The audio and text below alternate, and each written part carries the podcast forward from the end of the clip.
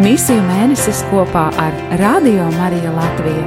Piedāvājam dienas pārdomas no Tautu evanģelizācijas kongregācijas pontificālās misiju biedrības sagatavotās grāmatas Kristīti un Sūtīti - Kristus baznīcas misija pasaulē.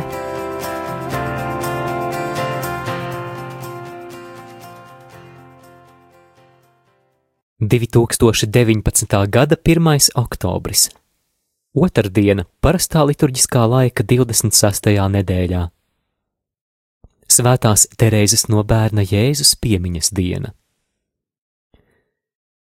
Zaharija pravietojums, 8. nodaļa no 20. līdz 23. pantam, uztur cerību dieva tautai, kas laiku beigās gaida savu piepildījumu, universālajā tautu svētceļojumā uz Jeruzalemi. Zaharija grāmata, kas atrodas priekšpēdējā starp 12 praviešiem, tiek piedāvāta vienam no pēdējiem aktīvajiem praviešiem, kas darbojās pēc Babilonijas trimdas līdzās Hagajam. Laikā, kad tēvu zemē tika atjaunota jūdu reliģiskā un civilā kopiena un pabeigta Jeruzalemes tempļa atjaunošana. Pravietiskais apsolījums tiek izteikts grāmatas trešajā daļā, kaut tiek jau gaidīts grāmatas sākumā. Tas ietilpst pravietiskajā tradīcijā, kas gaida visu tautu mierpilnu svētceļojumu uz Jeruzalemi, kā redzams Isaija grāmatas otrajā nodaļā no 1 līdz 4 pantam. Tekstā, kas ir gandrīz identisks ar Mihas grāmatas 4. nodaļas 1 līdz 4. pantu. Pravieša Isaijas vēstījuma pamatā ir attīstīt šo cerību, uz kuru jūdaisms definitīvi raugās kopā ar Mesijas atnākšanu laiku beigās. Kas attiecas uz visu tautu pēdējo atgriešanos pie kunga. Pravietiskā tradīcija ir vienota savā pārliecībā, ka tas nenotiks kā rezultāts Izrēla misionārajai aktivitātei.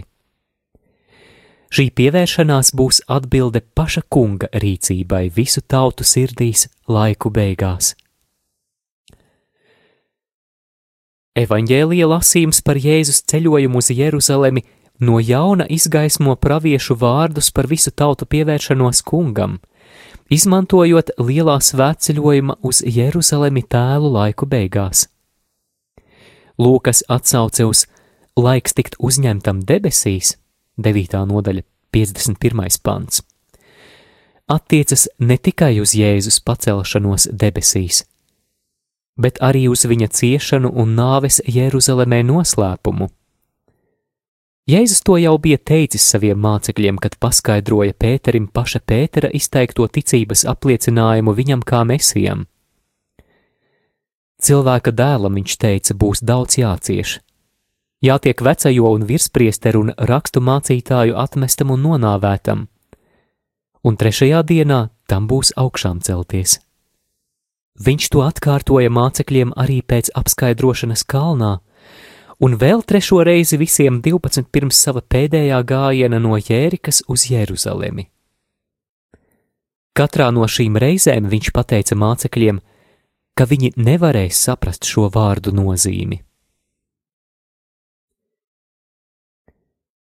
Dieva plāns universālai pestīšanai Izrēlam, kā arī visām citām tautām, iet cauri Jeruzalemi kā vietu, kur Jēzus tika paaugstināts Jāņa 12.32.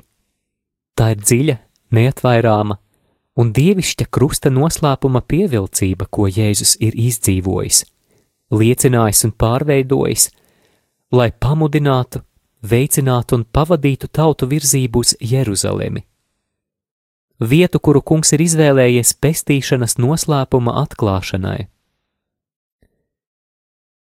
Jēzus savā misijā vispirms iesaistīja 12, un pēc tam baznīcu, kuru viņš bija izveidojis caur īpašu aicinājumu.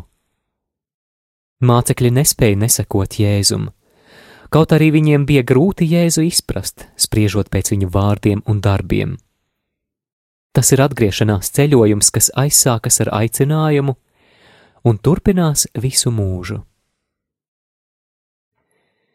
Jēzus gājiens cauri Samarijai ceļojuma laikā uz Jeruzalemi ir epizode, kas simbolizē atgriešanos, kuru Jēzus mācekļiem ir jāveic nepārtraukti, ja viņi vēlas Jēzu pavadīt un atbalstīt šajā evanģelizācijas un pestīšanas misijā.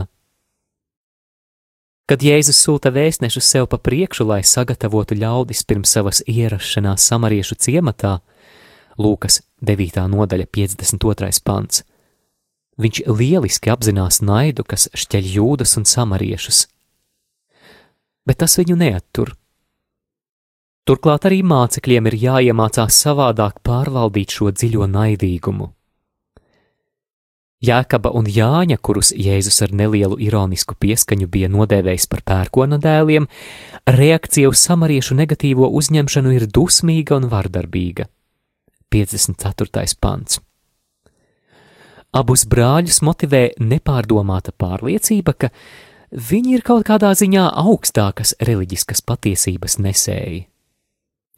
Daži agrīnie evaņģēlīja manuskripti, kas saglabājušies grieķu, sīriešu un latīņu valodās, abu mācekļu uzdotā jautājuma beigās pievieno nelielu skaidrojošu piezīmi. Kungs, vai gribi, lai pavēlam ugunī nāk no debesīm un tos iznīcināt, kā arī Elija darīja? Jēzus to uzskatīja par nevietā izteiktu lūgumu un neatbilstošu atsaukšanos uz svēto rakstu autoritāti. Jēzus pagriezies, tos apsauca. 9. nodaļas 55. pants. Tas pats šī fragmenta senais variants, kurā pieminēts Elija, padziļina arī Jēzus pārmetumu, kad viņš mācekļiem saka: Jūs nezināt, kāda gara jūs esat. Cilvēka dēls nenāca dvēseles pazudināt, bet pestīt. Šī kristīgā katehēze mums atgādina Jēzus misijas būtību, kas nav saistīta ar dievišķu atriebību.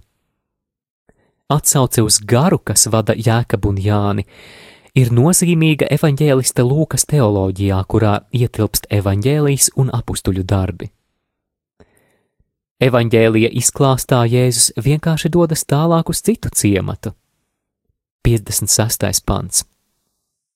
Tā ir pastorālā stratēģija, kas vadīs arī Pāvilu un Barnabu viņu pirmajā misiju ceļojumā uz Pizidijas Antiohiju. Skatiet apstuļu darbus, 13. nodaļu, 46. pantu. Jēzus neko nesaka par tā ciemata samariešu atraidījumu. Drīzāk viena no pirmajām Jeruzalemes baznīcas misijām būs tieši pie samariešiem. Diekons Filips svētā gara vadīts darbu iesāks. Apustuļu darbi 8. nodaļa, 5. pants, bet Pēteris un Jānis to pabeigs. Apustuļu darbu 8. nodaļas 14. līdz 17. pants. Baznīcas misija ir veltīties Kristus personai un Kristus noslēpumam. Tā ir pievēršanās, kas iesaista visu cilvēka dzīvi, atstājot kunga rokās atvērt misijas durvis un sakustināt cilvēku sirdis. Laiks un veids, kā tautas atgriežas pie dieva, ir kunga darbs. Baznīcas uzdevums ir pievērsties garam un kunga Jēzus personai.